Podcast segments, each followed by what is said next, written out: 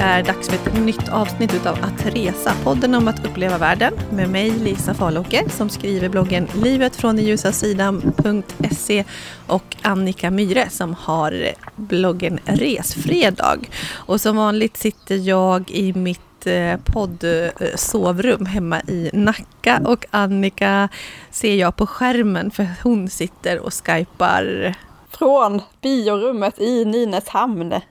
Ja. Mm. Vi får kanske se till att eh, träffa oss snart, tänker jag, och köra ett gemensamt eh, gästavsnitt på samma plats. För förra gången så intervjuade vi ju Linda Hammarberg, men då var jag i Göteborg och träffade henne och du satt med icke-fungerande ljud uppe i Stockholm. Ja, exakt. Det gick inte att spela in mig, men däremot så såg du mig så jag satt och chattade för febrilt och vinkade och bara fortsätt mera, mera, mera. men det gick ju bra. Du gjorde en fantastisk insats och det är verkligen ett jättehärligt avsnitt som jag kan rekommendera igen att lyssna på. Väldigt inspirerande om att resa jorden runt i fyra år med segelbåt trots en massa små barn.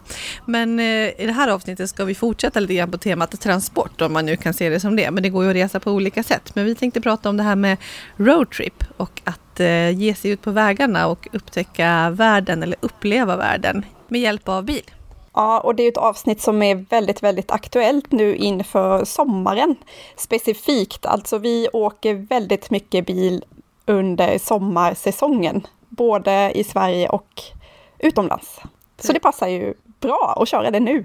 Och vi tänkte dela upp det här avsnittet lite grann i att resa i Sverige, att resa i Europa och övriga världen och sen ge er konkreta tips på dos and don'ts i slutet av avsnittet. Men först och främst så börjar vi som vanligt att kolla på det som ligger allra, allra närmast oss, alltså Sverige att åka runt på Sveriges vägar. Är det någonting som eh, du brukar göra Lisa?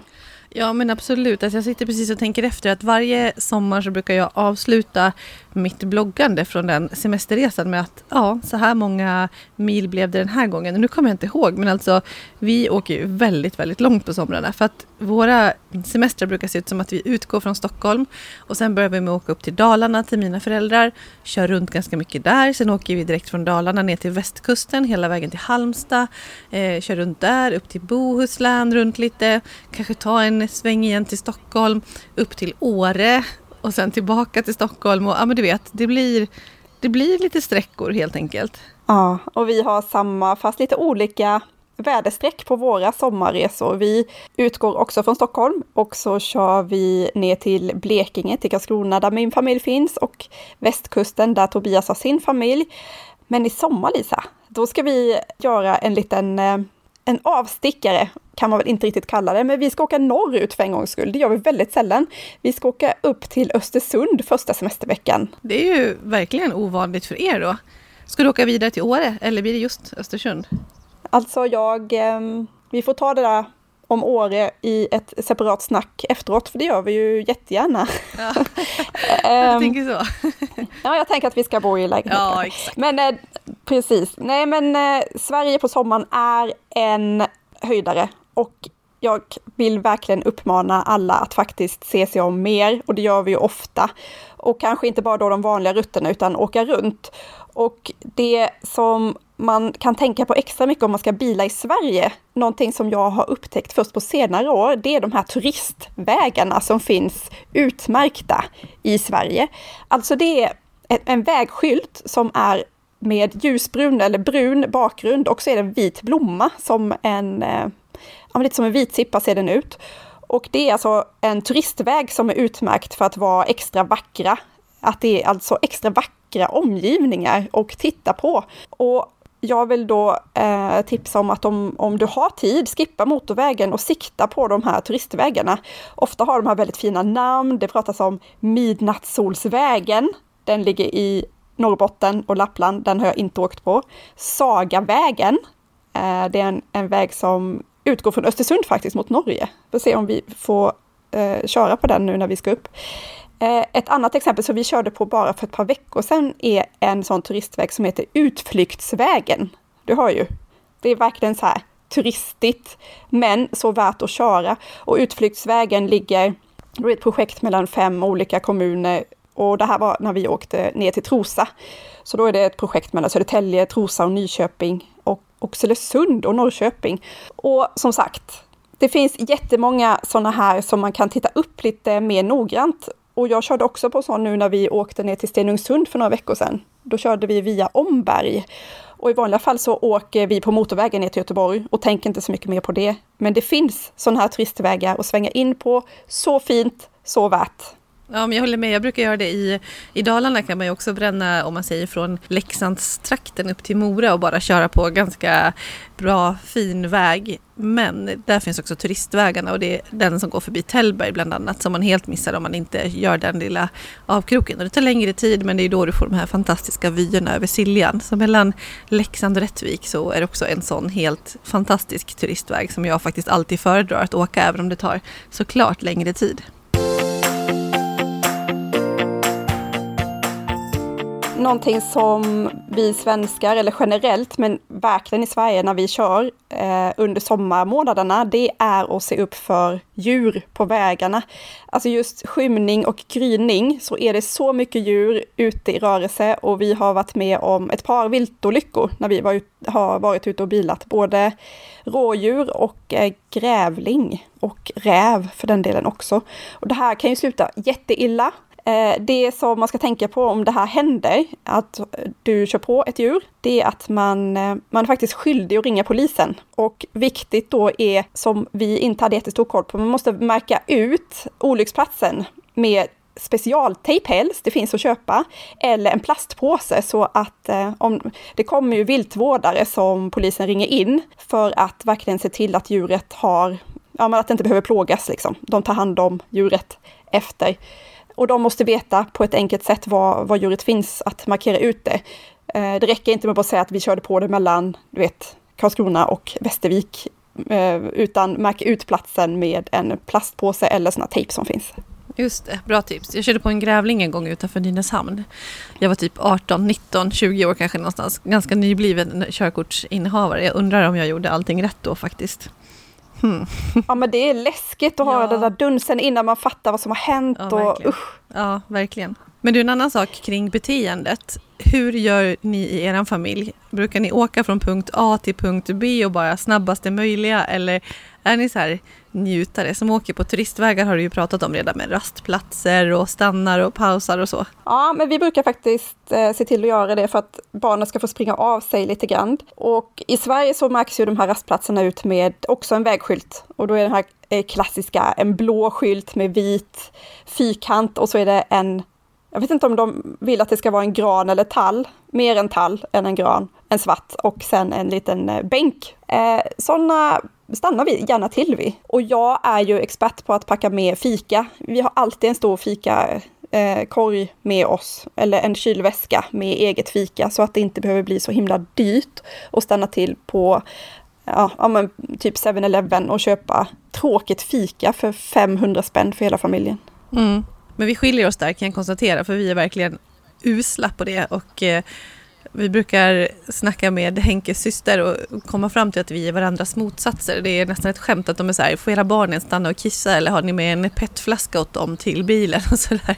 Vi vill verkligen bara komma fram, det är så tråkigt. Alltså jag, jag älskar roadtrips generellt så, men just i Sverige om vi drar från Stockholm till Halmstad eller till eh, Henkes föräldrar i Hästra eller mina, då är det bara då vill man bara komma fram liksom. Så att eh, vi är rätt dåliga på det där med, med rasterna. Det är, det är nästan så, så att mat i bilen det är ett sätt att underhålla barnen en bit. Samtidigt så vet jag det här mm. med barn och kvävning och hur man liksom ha, kan ha koll på dem och så vidare. Men eh, ja, vi är väldigt dåliga kan jag säga på att stanna.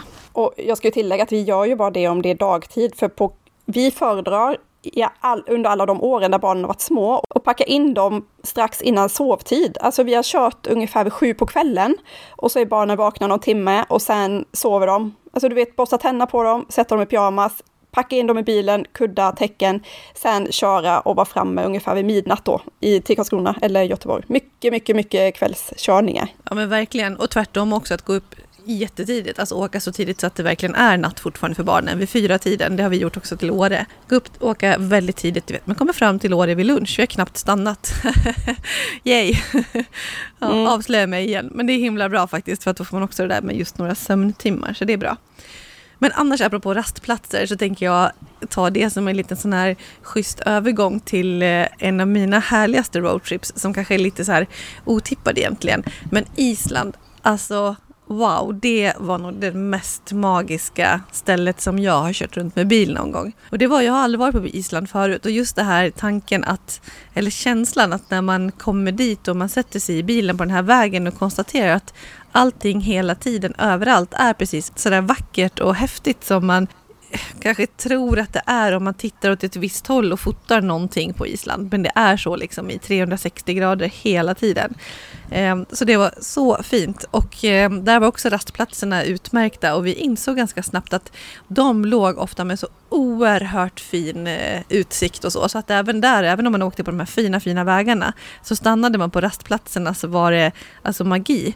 Någonstans var det bara, vi satt oss och tog en kaffe och där hade vi med oss faktiskt ehm, och bara satt och snackade liksom och hade så magiska vyer som bara, ja men vi, vi knallar runt lite grann här och kommer ner till ett, ett vattenfall. Jättestort, superfint, det mest spektakulära utsikten och vi var liksom ensamma på det här stället. Det var rastplatser överallt hela tiden eh, och ja, jag kan inte tänka mig något bättre land att göra roadtrip i faktiskt. Island säger du? Mm. Ja, och det var också väldigt lite trafik så att eh, det var inte alls någonting att oroa sig för. Sen kan det kanske vara lite beroende på säsong också om man åker när det är deras vinter eller så. Eller vinter hemma också med ju förlängde säsongerna där. Om det är halt och så. Eh, eller på våren när all snö och is ska smälta och det är väldigt giggigt och så.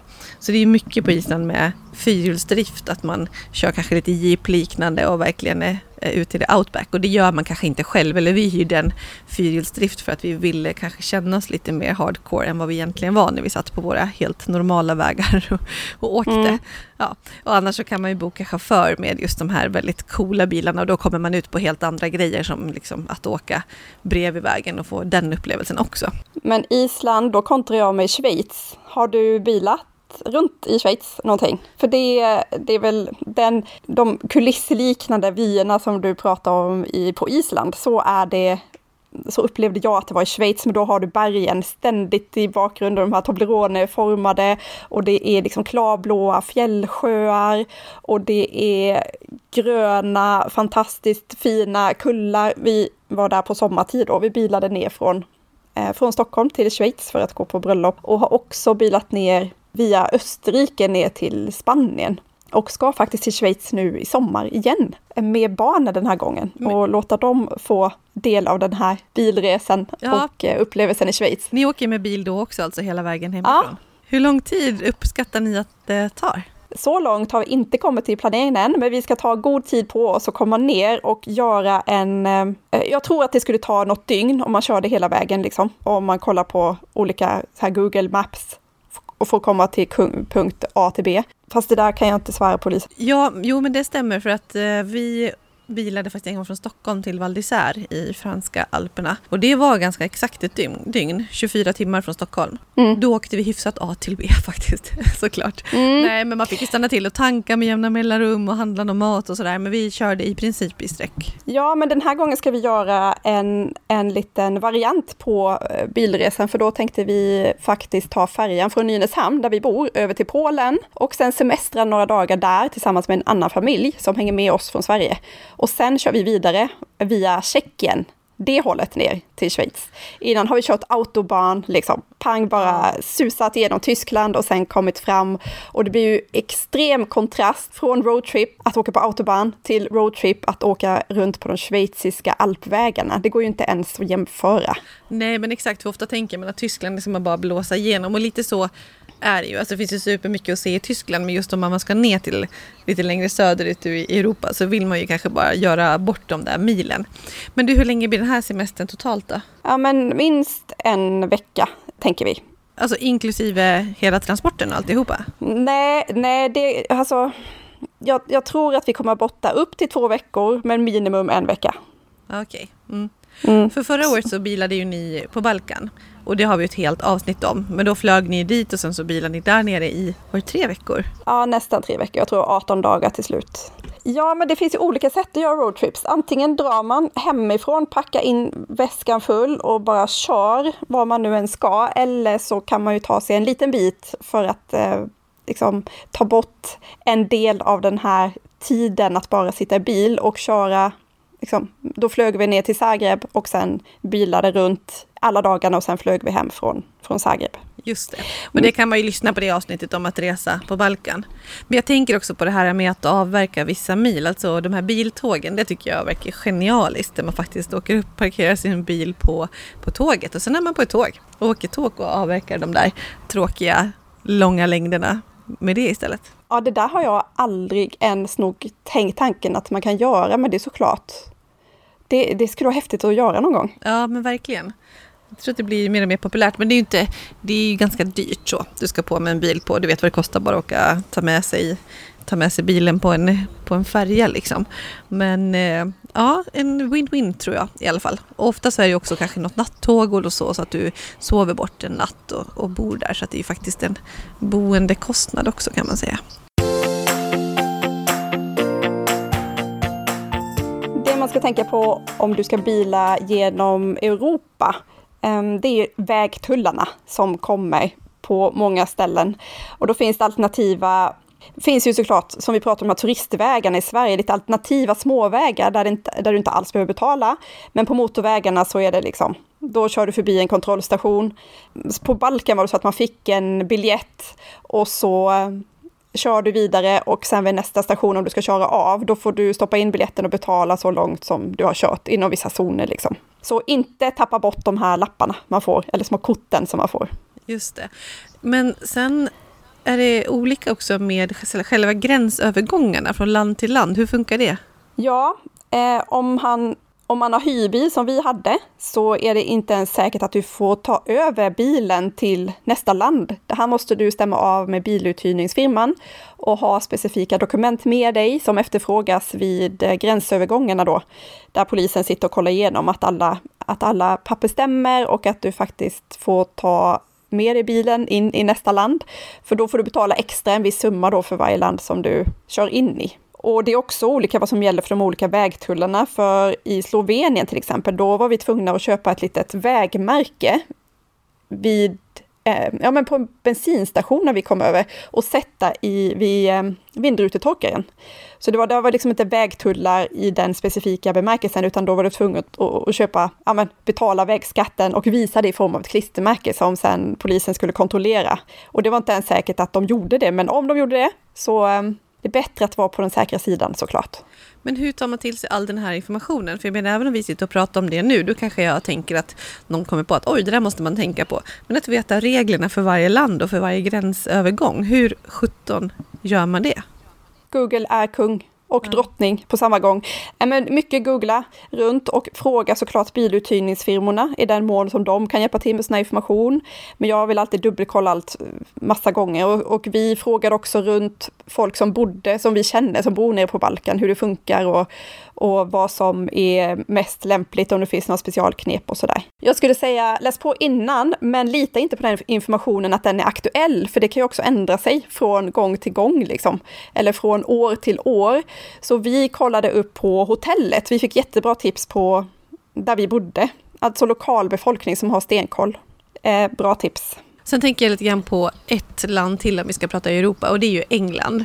Alltså inte det också den ultimata roadtrippen. Alltså man ser det framför sig att man åker över, man har en ganska liten bil, mycket mindre än vad man är van vid. Och så åker man där på de här små landsortsvägarna, höll jag på att säga, på landsbygden och mellan olika stora slott och de här små byarna som ser ut exakt som de gör i vad heter det nu, typ Hem till gården och sådana här. Jag kan ingenting om sådana, mm. jag tittar inte på TV. Men, och det är ju precis så löjligt, gulligt och pittoreskt och härligt som man tror. Ja, ja. England och Storbritannien i stort, Lisa. Ah, får du ja, ja. inte glömma bort hela det här. Nej, det. Jag, jag, jag, är så hjärntvättad från min eh, svåger som kom från Skottland. Du kan inte säga England om du menar Storbritannien. Men eh, för Skottland är jag tyckte jättemycket om att bila runt i Cornwall, som ni också har gjort. Yes. Men Skottland är snäppet bättre alltså. Det är så otroligt fint. Det man ska tänka på där är, om man kollar på kartan, när vi bilar runt i Skottland så ser Alltså avstånden ser inte stora ut, det är inte så himla långt, men vägarna är små och de är slingriga, väldigt slingriga. Och de är smala. Och eh, det är vänstertrafik, så det är mycket att tänka på. Det tar mycket, mycket längre tid att köra än vad man tror när man kollar på kartan. Ja, men så är det på många ställen. Jag tänker lite på Nya Zeeland där också. Alltså, vägarna är inte som de är hemma, eller för den delen bara i Norge. Men Google Maps, om man tittar på vägbeskrivning och hur lång tid det tar, den stämmer oftast ganska bra. Eller om det är större vägar, typ motorvägar i Sverige eller någonstans, då kanske man vet att ah, man kanske pressar hastigheten lite över vad som är rekommenderat så. Det, det, det, vissa gör det. Vissa. vissa mm. ja. Eh, men i länder där det faktiskt är vägar som är av en helt annan typ, där går inte det. Och då är det liksom rimligt att det tar den tiden eller ännu längre. Så att en mil på kartan behöver inte alls innebära samma tidsåtgång som det gör typ i, i Sverige eller på vägar man är mer bekant med. Ja, men du har ju din övergång där igen då, att du går från Europa till Nya Zeeland, för vi kan ja. fortsätta på övriga världen då. De bästa roadtripsen och, och, tipsen som vi har där när vi har bilat runt. För du har ju gjort den resan som jag har som en av mina drömresor, att bila runt eller ta en husbil och köra runt på Nya Zeeland. Ja, ja men det var, Hur var det? fantastiskt. Ja, men det var så bra. Vi gjorde det med barnen, så att de var ett år, precis fyllde ett år, 11 månader, 12 ja, månader när vi var där, eller när vi kom dit. Och eh, Stella var tre och ett halvt, så vi hade ju ganska små barn. Vi hyrde en bil uppe i Auckland. Vi åkte hela vägen eh, ner norra ön, bilfärja över till Sydön, åkte hela västkusten på Sydön ner. Vi vände i Queenstown. Många åker också hela vägen ner till Milford Sound som är en jättevacker fjord. Och det gjorde vi med flygplan istället, med typ ett sån här litet propellerplan dit. Så vi åkte i alla fall med bilen ner till Queenstown och sen åkte vi upp eh, genom landet och östkusten upp och sen tillbaka faktiskt hela vägen till Auckland. Ehm, men där rekommenderas absolut att man flyger in på ett ställe ut på en annan, alltså typ in till Auckland, ut till Christchurch. Men vi såg väldigt mycket och vi gjorde det här under ungefär tre och en halv vecka. Och ja, men det är så sjukt vackert. Eh, det är en härlig typ av semester att veta att man har sitt boende med sig, att man planerar varje dag hur långt man vill komma. Eh, och vi körde ungefär varannan dag, för vi ville landa lite grann såklart med barnen och vi ville se mycket. Så varannan var tredje dag ungefär så gjorde vi någon etapp och eh, då brukade vi åka när Max då som var precis ett år då när han skulle sova så att vi gjorde det. Så att vi fick alltid hans eh, en, en och en halv timme sömn ungefär och sen så kunde vi eh, köra ytterligare kanske en timme eller så.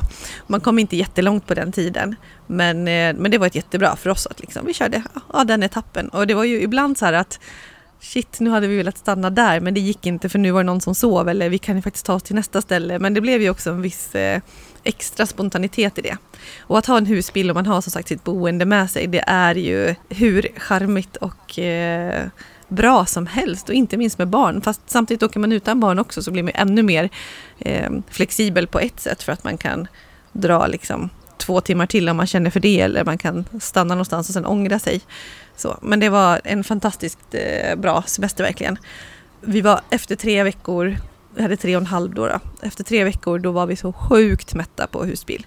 Och sen dess har vi alltså. inte åkt. Ja, jag kan tänka mig att göra det igen men det är inte bara en, det är inte bara en lek, framförallt inte med barn. Alltså det är lite det trixigt och man flyttar in och ut och det är grejer och så. Charmigt i två och en halv vecka, okej i en halv vecka och sen var det skitjobbigt.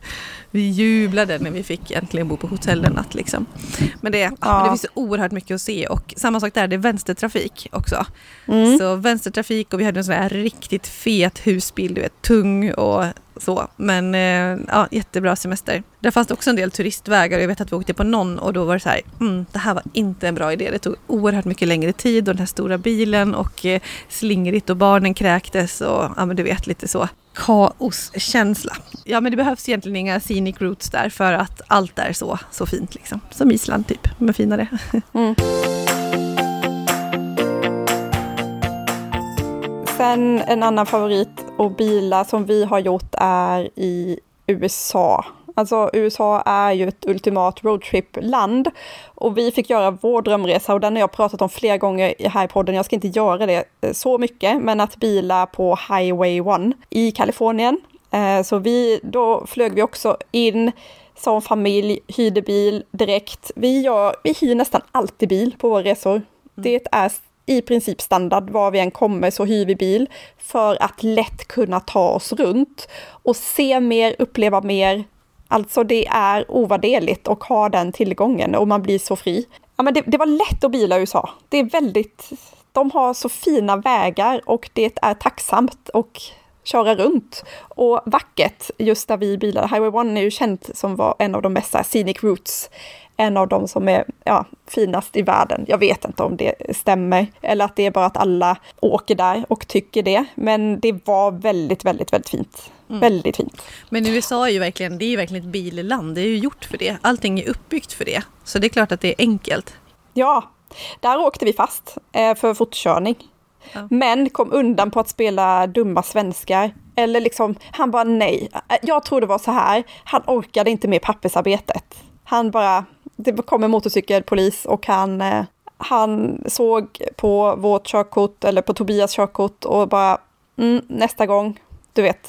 Men då hade ni jäkla tur för när vi, blev, eh, när vi fick fortkörningsböter, vi åkte från eh, Miami till Key West på sydöstra alltså i Florida då, och åkte också fast i för fortkörning då. Och eh, de kollade på min mans körkort och så slog de in det i någon dator och fick få upp liksom allt och skrev ut papper där det fanns en massa förinformation och sådär. Så att eh, jag vet inte hur det gick till men där fanns i alla fall någon form av digital support för att hitta människor oavsett ursprung. Däremot när vi skulle betala, det var ju sjukt utmanande för det var så här Alltså folk sa att det där behöver ni inte, det, det finns inte och det preskriberas. Men vi åker till USA en del och min man inte minst i jobbet. Så vi hade inte den minsta lust att ha någon fortkörningsbot som inte var betald. Och alltså vi kämpade så hårt på det. Det var liksom, ha in på något bankkontor där, nej det gick inte. Posten där, nej men det gick inte. Till slut var det någon i receptionen på ett hotell där vi bodde som kunde hjälpa oss och exakt hur vi skulle gå tillväga. Så det var ju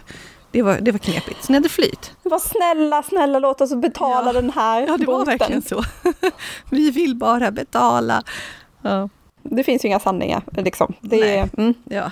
Men berätta mer, vad är värt den eh, drömstämpeln som det, som det har, Highway 1?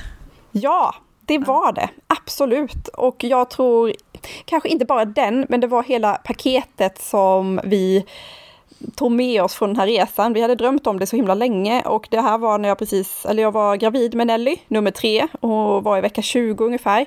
Och eh, de andra barnen var tre, skulle fylla fyra och fem och skulle fylla sex, så de var små.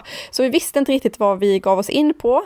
Och då gjorde vi ingen fast rutt, utan vi tänkte så här, drömmen är att vi, ja men vi köpte biljetter till Los Angeles och min syster bodde då i Utah och eh, då visste vi att vi skulle kunna klara den vägen. Men om det gick bra att bila så skulle vi köra upp hela vägen till San Francisco och sen ner igen, liksom, så man kör en, en loop så. Men det gick så bra och det var som en, ehm, ja men du vet, nu i efterhand, så bara, men jag fattar inte att det, det gick så himla smärtfritt. Barnen, de mådde faktiskt illa av att kolla på iPads och sådär, så de kunde inte ens kolla på de hade ingenting att kolla på, de bara satt där bak och typ sjöng och eh, det var som en eh, vi kände oss som Sound of Music ungefär, våra små barn som bara var så ja. fina och, och, strålande glada hela resan. Jag tror aldrig att det kommer hända just den upplevelsen igen, men det var allting i sig och stanna på ett nytt ställe varenda natt och checka in, inte veta var vi ska bo, inte veta hur, hur vi ska köra, liksom, hur långt vi ska köra. Det bara, alltså, bara flöt på. Mm. Men jag måste fråga, vad hade ni för bil?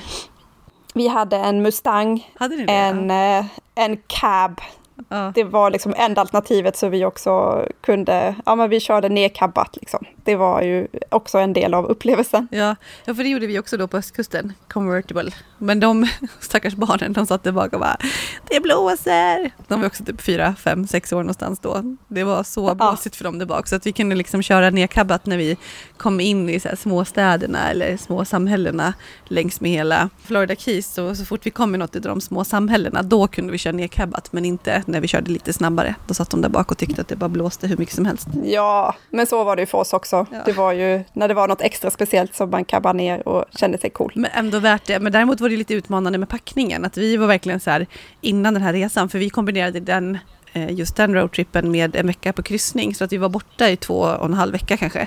Men det var så här, vi får inte ha med så mycket kläder. Vi måste hålla det till ett minimum för vi måste få plats med packningen i bagageluckan. Mm. Nej, vi, det var ingen shoppingresa kan jag säga. Det var väldigt lite, lite, lite packning för oss för att få plats. Ja. Men en annan jättedröm i USA, jag måste bara nämna den för att alltså, jag vill åka mer Highway 1 Absolut. Har bara åkt från eh, Los Angeles till eh, ja, men en bit norrut. Jag kommer faktiskt inte ens ihåg hur långt norrut vi kom. Och så åkte jag också in till Las Vegas. Men alltså Route 66. Alltså från Los Angeles i väster så går den genom åtta stater. Tre tidszoner. Illinois, Missouri, Kansas, Oklahoma, Texas, New Mexico, Arizona och Kalifornien. Alltså vilken dröm är inte det? Ja, Tobias vill ju, alltså min man, han vill ju att vi ska ta mc-kort han och jag och köra den med motorcykel när vi blir så här 50, 55. Och Ja.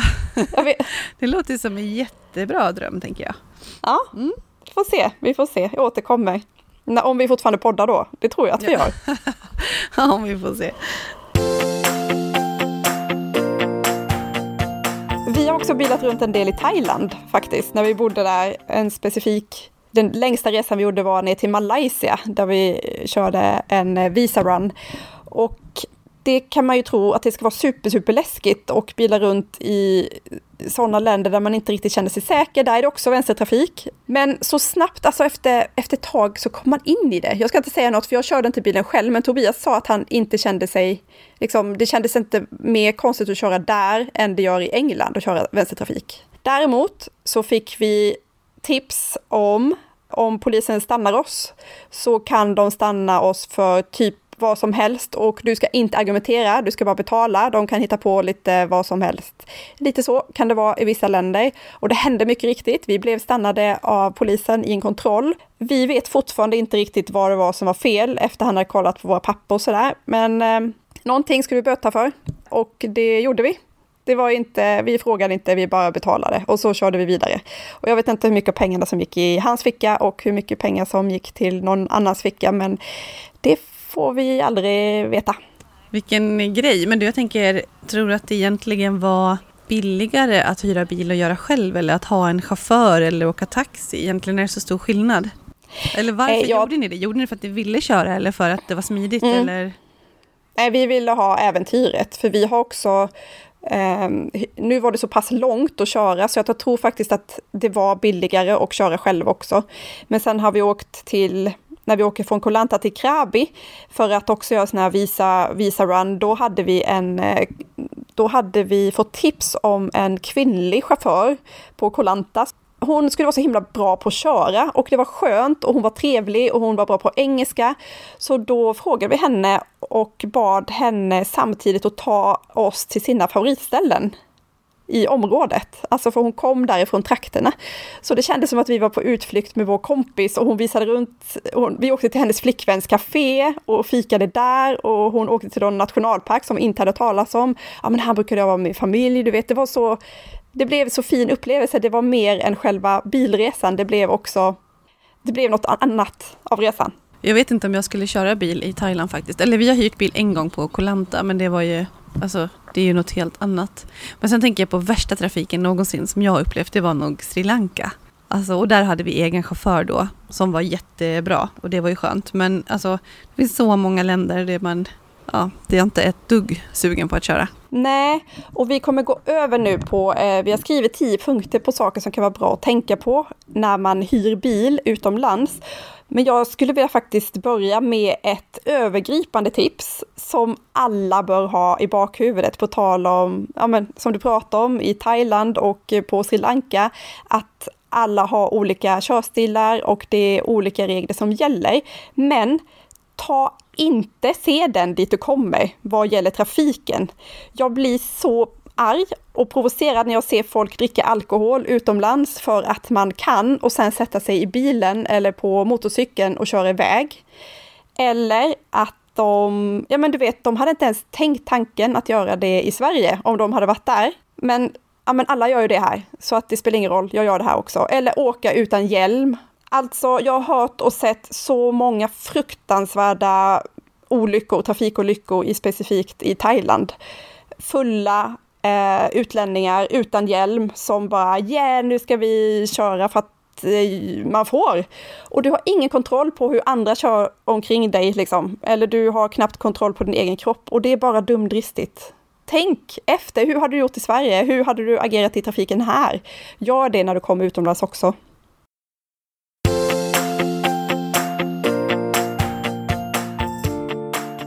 Så lite tips på det här när man ska ut på vägarna, lite dos and don'ts, så att vi kan ge lite mer medskick. Mm, första, punkten som folk brukar ha mycket frågor om är vad som gäller med internationell körkort. Behövs det eller räcker det med det svenska körkortet? Och ett internationellt körkort är helt enkelt en översättning av ditt svenska körkort. Så det är viktigt att du har med dig det svenska och det internationella. Det måste du ha tillsammans. Och alla som har ett svenskt körkort kan få det, alltså ett internationellt. Man kan beställa det som ett ettårigt eller treårigt och kostnaden ligger på 300-400 kronor. Eh, och det finns olika organisationer som, som gör den här. Det är bara att googla så kommer du se och få lite exempel. Det behövs inte inom EU. Det är en av fördelarna med att vara inom EU, att du kan köra precis vad som helst med ditt vanliga körkort. Sen, vad som gäller utanför EU, därom tvistar de lärda, för det finns lite olika rekommendationer och eh, eh, ja, men tankar och åsikter om vad som egentligen gäller. Men det som vi har fått fram är att det är vissa länder där det verkligen rekommenderas att ha, ha internationellt körkort och specifikt en av dem är Thailand. Där riskerar du böter om du inte har det. Och ännu värre, om du råkar ut för en olycka så gäller inga försäkringar om du inte har ett internationellt körkort. Andra länder där man rekommenderar och har det, det är USA som vi har pratat om, Australien, Nya Zeeland och Sydafrika. Men eh, vi, hade, vi har faktiskt inte haft det när vi har kört i de länderna eh, och det har heller inte efterfrågats. Men för att ta det säkra för det osäkra så, så rekommenderas det att man kollar upp det. Just. Hur har ni gjort med det? Eh, jag kommer ihåg att vi hade det till Nya Zeeland bland annat. Eh, och alldeles nyligen var jag i Sydafrika och hade hyrbil och åkte runt där. Men eh, då hade varken jag eller min kompis det. Så att kanske lite bakläxa. Det kan vara värt att kolla upp. Mm. Mm.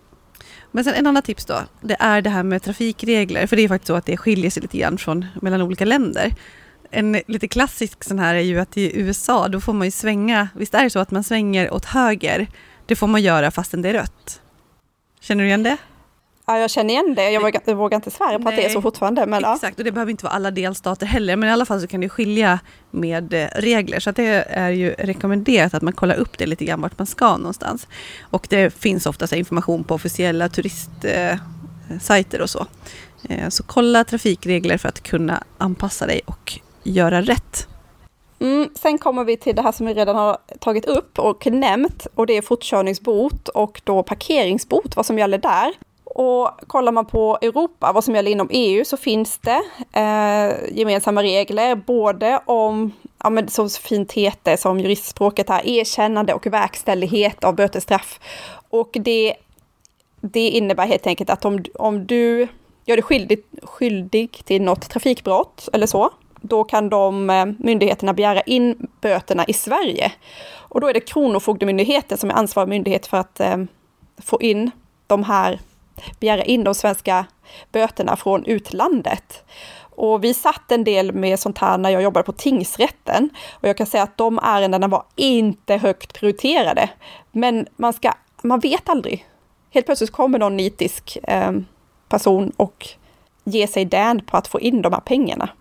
Och sen vad gäller USA har vi ju redan pratat om, men då finns det eh, olika, alltså uthyrnings, biluthyrningsföretaget, de har ju alla uppgifter till dig och kommer vidarebefordra de här uppgifterna till vem det nu än är som ska ha in böterna, tänker jag. Så att det finns ju, som du säger, det finns ju registrerat allting om dig. Ja, men följ regler och var lite mer noggrann skulle jag säga med hastigheterna.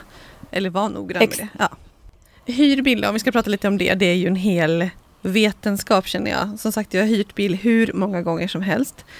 Och jag tycker att det är ett överlägset sätt verkligen att se sig om på ställen. Men det är inte så himla lätt.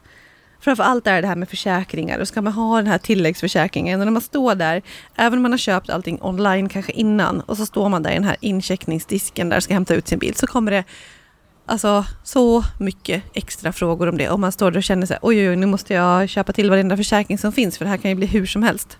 Vad sjutton, vad säger du? Mm, vi har olika uppfattning om det här, jag och min man. Jag vill ha hängslen och livrem och han menar det liksom vi har tecknat en extra försäkring på vårt kontokort eller kreditkort som täcker eh, också bil, ja men, som har extra bilförsäkringar, allt man kan tänka sig. Och han menar att det räcker att ha den och han brukar vara väldigt så här, ja men de vill ju bara sälja på dig. Eh, så. Men om väl olyckan skulle vara framme, vi har peppa peppa inte råkat ut för någonting än, men läs på. Och eh, vill du kunna sova gott eh, hela natten, då kanske du ska ta de här tilläggsförsäkringarna. Jag vågar inte säga gör det inte. Nej, och vi har faktiskt haft en del incidenter. Jag tror att jag har pratat om det tidigare i podden. Å andra sidan så är det så många avsnitt nu så man kan väl inte räkna med att de som lyssnar på det här har lyssnat på alla våra avsnitt direkt. Men eh, alltså, vi har varit med om eh, att parkera på en eh, parkering vid en strand i Italien och sen öppnade någon en bildörr på våran bil, vilket vi såg när vi kom för att åka därifrån. Och det blev så dyrt. Alltså jag kommer inte ihåg vad vi betalade, men i alla fall liksom 4 000, 5 000 kanske. Det var så mycket pengar. Då hade vi inte full, full, full försäkring. Men vi hade ändå, tyckte vi, en full försäkring. men full försäkring inklusive självriskskydd. Det är det som är den mesta försäkringen egentligen. Sen har jag också fått lära mig den hårda vägen, eller jag har en kompis som verkligen har fått lära sig den hårda vägen. De hade en ganska märklig incident med att eh, det blev inbrott i det huset där de bodde och de tog hyrbilsnycklarna och åkte iväg med bilen. Och då oh, gällde... Fy. Ja, fruktansvärt. Och de tog två bilar och de hade olika försäkringsskydd. Den ena hade köpt via en biluthyrningsfirma och den andra via själva jämförelsesajten, om man går in på en jämförelsesajt och köper. Och den var bättre för att det är ofta så att, alltså i princip kan man säga så här att det största bolaget och de som har mest affär har också oftast de bästa försäkringarna för de har ju alltid en, partner som de har. Alltså, så det är ofta så att det är bättre försäkringsbolag och de här stora jättarna har ju möjlighet att ha, att ha bättre täckning medan de här små som man kanske inte känner till det är knivigare för de har ofta lite sämre skydd. Eh, jag vill inte säga exakt vad som är bäst men jag vet att jag numera i alla fall köper försäkringsskydd via de här jämförelsesajterna där jag gör min bokning oftast då. De stora som går in och, och jämför. Jag, jag vågar inte säga att det är det absolut bästa alltid, men, men jag gör så numera. Dessutom tycker jag det är skönt att ha läst liksom på svenska när jag bokar hemifrån och veta att det mm. här är inkluderat. Och när jag kommer dit då kan jag bara nej, det här har jag redan köpt, nej, det här har jag redan köpt. För det är klart att det är bolaget då som faktiskt sen är de som, eh, som lämnar ut en bil till mig. Eller som jag hyr utav egentligen. Det är klart att de vill tjäna mer pengar också, men om jag vet att jag, jag har gjort det här helt komplett innan så är det lättare att säga nej och inte känna att jag blir pålurad en massa extra saker. Ja, och generellt det vi har upplevt är att det är så mycket dyrare att eh, hyra bil på plats än att göra det från Sverige och bekvämare som du säger då, att man har allting på svenska och du vet vad som gäller och det står en stor, liksom, du har en stor jätte ofta bakom dig. Vi använder ofta någon av de här stora jämförelsesajterna. Eh, men är du på plats, då har du liksom heller väl, alltså du har inga alternativ. Kommer du till en liten flygplats och det finns två stycken biluthyrningsfirmor, då kan de bara vräka på inte bara försäkringar utan också vad det kostar att hyra själva bilen. Ja men verkligen, och handen på hjärtat, alltså ha tid att stå där och läsa igenom vad det är man skriver på. Mm. Nej, man gör liksom sällan det.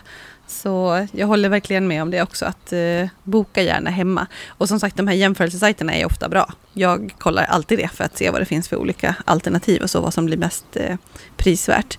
Men jag vill ändå lägga till att just det här med slutgiltigt pris, vad man, vad man faktiskt betalar, det är inte alltid det som syns på de här sajterna och billigast är inte alltid bäst. Alltså, det kan vara värt att betala mer just för det här med försäkringsbiten. Och sen är det också så här att vissa uthyrare de har ju låga grundhyror men jättedyra tillval. Och så kan det vara precis tvärtom också, att på vissa ställen så inkluderas saker som andra tar betalt för. Så man ska kolla upp det där och verkligen veta vad man får för pengarna, vad ingår. Alltså är det fria mil, är det, ja men vi har pratat om vägtullar och så vidare, vad får du göra med bilen och sådana saker så att man vet vad det är man bokar upp. Och sen kan det också vara så att bilhyran beräknas lite olika, att om det är fri körsträcka då, så brukar dygnshyran såklart vara dyrare. Och eh, tvärtom så kan det vara avgift per kilometer om du har en billigare hyra.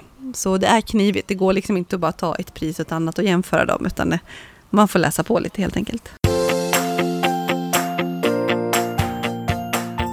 Ett annat tips som gäller hyrbilar är att eh, kontrollera noga skador på bilen innan du kör iväg och dokumentera. Alltså ha mobilen framme och eh, ta kort på eventuella bucklor och eh, rebor på bilen och sånt som finns så att du sen kan visa på det här om de skulle påstå i efterhand att det, är, att det är du som har gjort den skada som redan finns på bilen när du när du hyr den. Vi blev en gång eh, anklagade för att ha pajat ett tak, eller liksom att det var en buckla i taket. Men vi hade verkligen kört från, från flygplatsen, åkt till det här stället i Alperna som vi skulle till, parkerat nere i garaget. Sen hade bilen stått där. Och det var ingen som hade varit i närheten av den, det fanns liksom ingenting annat. Gick ut och åkte därifrån och åkte tillbaka till flygplatsen.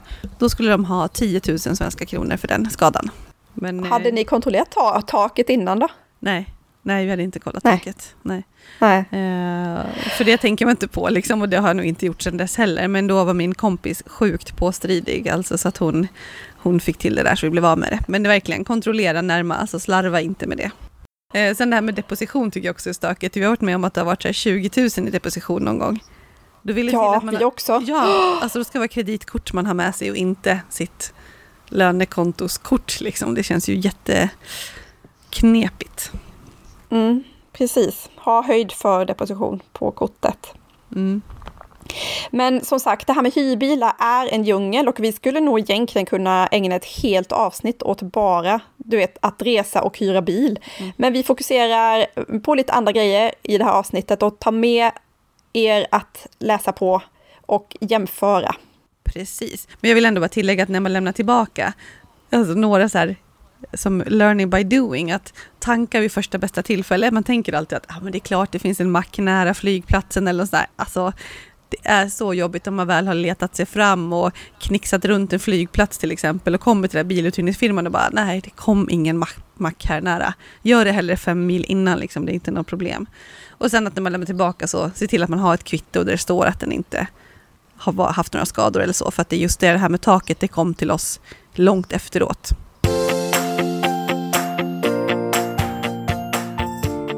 En helt egen punkt får bli den här navigeringshistorien. Hur hittar man rätt väg? Hur tar man sig fram egentligen? Hur gör du Lisa?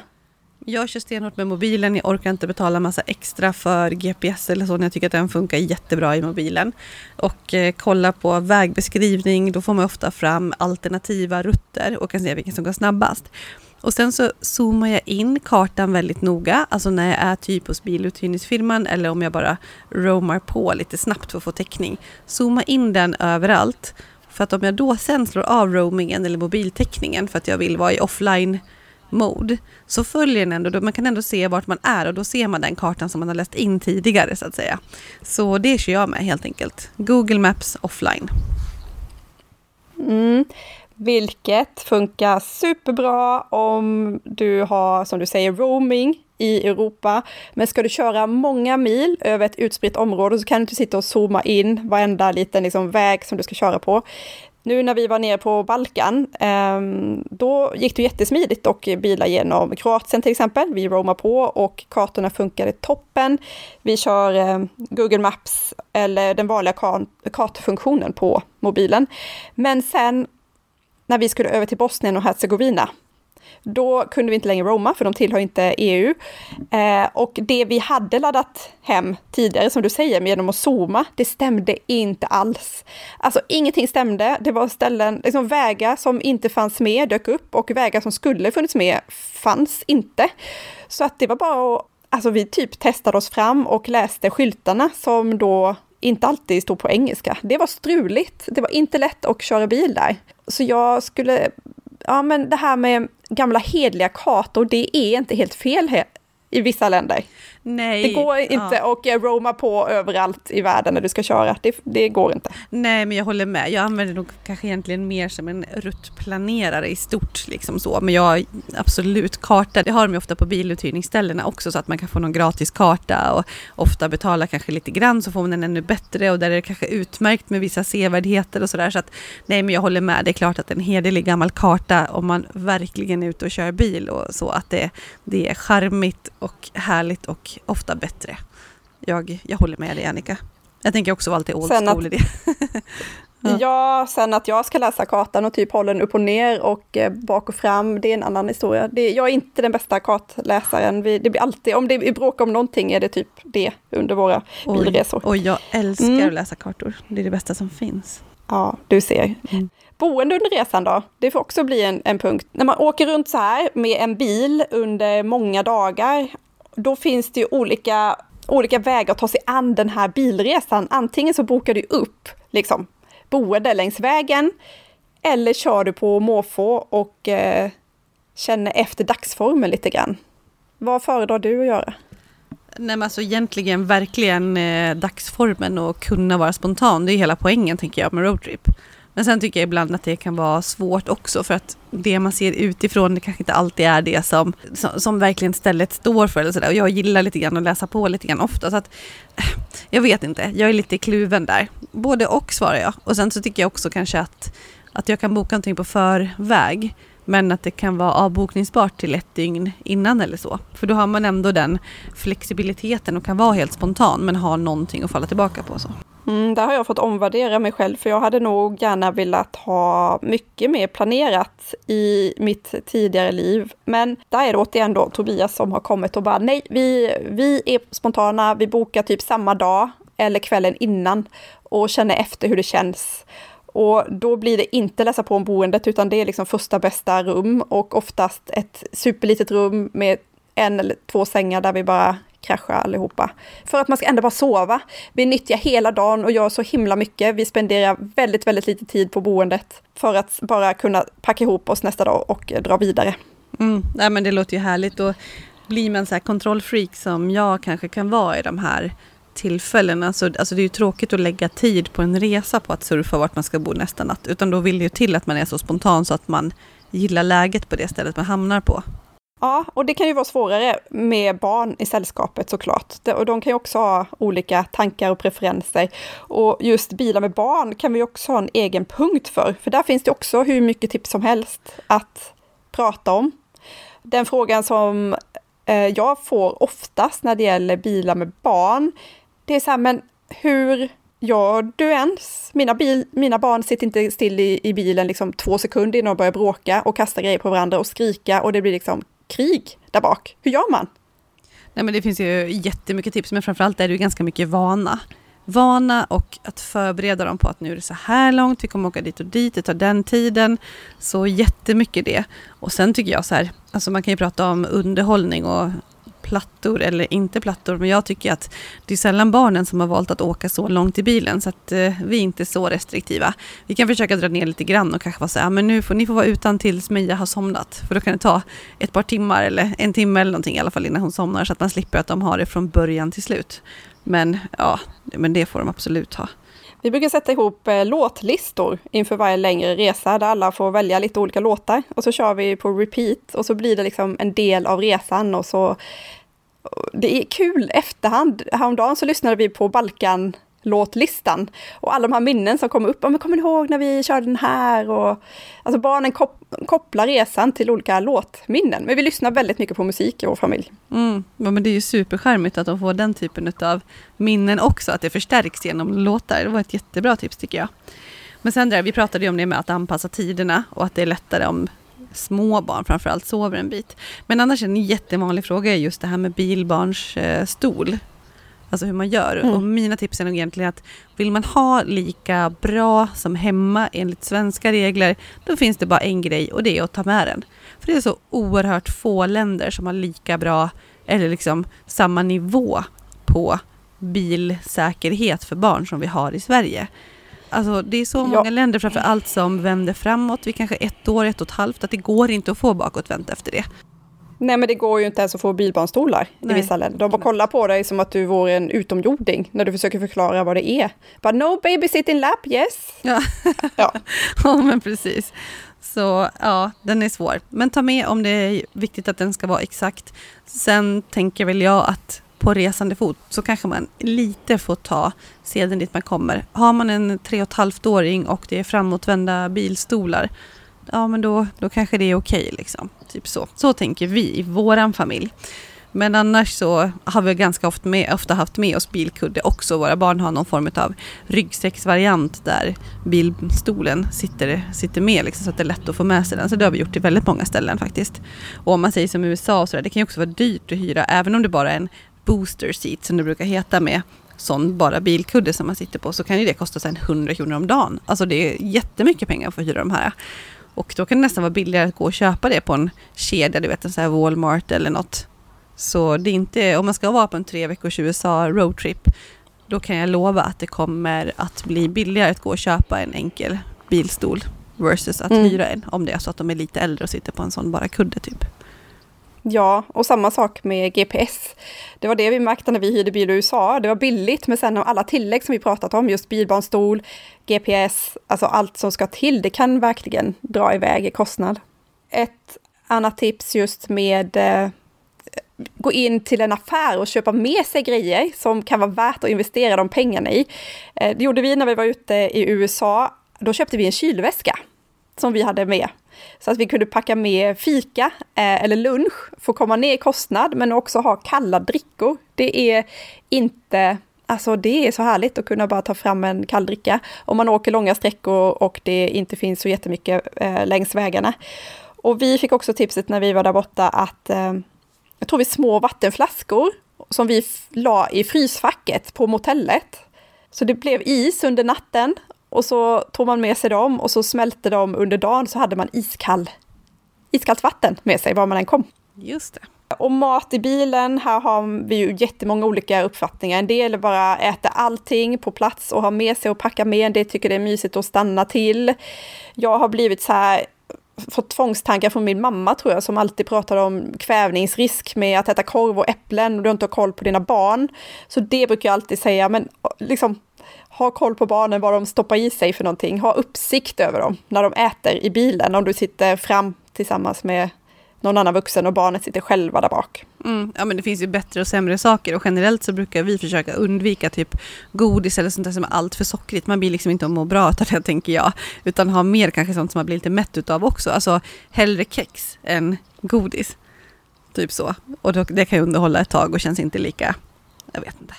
Det spelar kanske inte jättestor roll men jag vet inte. Jag, jag vill inte att de ska förknippa bilresor alltid med, med snacks heller. Så att, jag vet inte. Men det är väl väldigt individuellt hur man vill i familjerna och vad, vad Ja, jag tror att eh, min främsta, liksom det roligaste jag vet med roadtrips är ju så här, ha med mig jättemycket godis. sitta.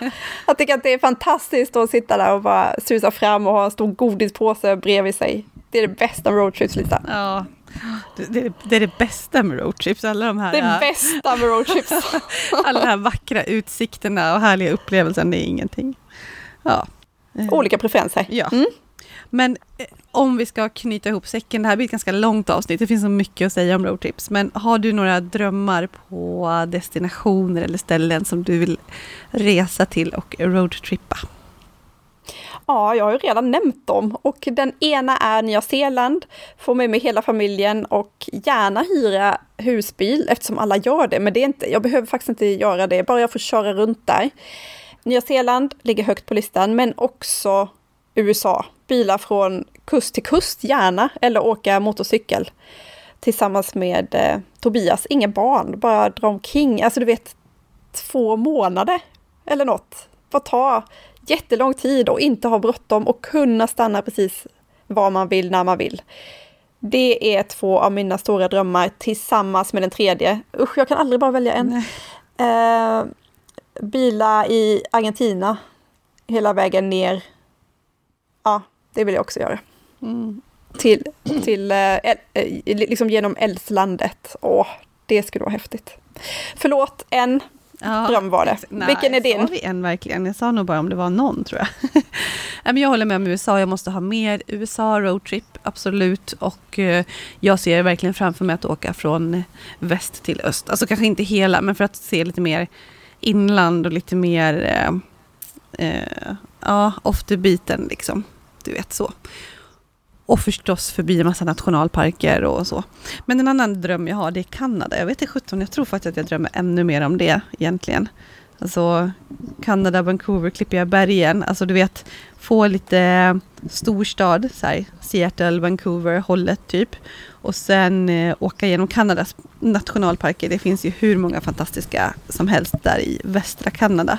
Typ eh, glaciärsjöar med helt turkost vatten vatten eller så fantastiska vyer över klippiga bergen. Det är en sån dröm. Och sen just ja, Vancouver är jag nog mest sugen på egentligen. Jag tycker det låter vara, verkar vara en helt fantastisk eh, stad.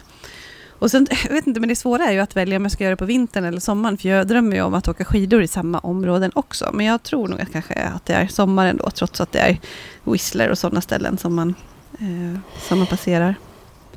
Ja, generellt så är det härligt att åka runt på sommaren tycker jag. Både för att, man, att jag känner mig mycket säkrare i bilen under den perioden, men jag tycker att jag Ja men det ljusar också, det blir längre dygn. Mm. Det är ljus på morgonen och det är ljus på kvällen. Och framöver, nu i det närmaste, så kommer det bli väldigt mycket bilåkning för oss hela sommaren. Vi börjar nu med att åka till Irland om bara ett par veckor, par tre veckor. Och där ska vi hyra bil och köra runt. Där finns det också otroligt vackra vägsträckor som jag ser fram emot att utforska. Och som sagt, mycket Sverige i sommar. Köra runt, kolla vad som finns i närheten och avsluta sommaren med en resa i bil ner till Schweiz. Mycket kul att se fram emot. Det låter som fantastiska planer och jag håller mig på inslagen rutt som vanligt. Sommaren är inte mina mest spännande. Men de är härliga och eh, den här årstiden har väl fått ganska mycket försmak utav det. Så jäklar vad grym den här sommaren har inletts så här i maj som vi är nu. Det har varit så ljuvligt. Så jag längtar inte till så mycket annat heller faktiskt. Men eh, grymt kul att surra med dig lite grann idag Annika. Ni är ju verkligen mycket mer bilresare än vad jag egentligen tänker på. Jag vet ju det när vi pratar Balkan och sådär. Ja. Men jag tycker liksom att, att vår familj har hyrt bil mycket på många ställen. Men ni har ju verkligen de här längre roadtripsen och verkligen lever, lever bil och eh, att avverka sträckor och se grejer. Det är ju grymt. Ja, det är, har blivit lite av vår grej. Um, det är kul. Och ja, det mer. Ut och sätt er i bilen, kör. Och uh, skriv sen till oss vad ni är och era bästa roadtrips. Det är så kul när vi får meddelanden från er som lyssnar. Glöm inte bort att tagga oss på att resa-podden eller skriv till oss på mejlen. Hej attresapodden.se. Så mm, ser vi fram emot att höras igen om ett par veckor, Lisa. Det gör vi. Ha det så bra. Mm. Hej då. Hej då.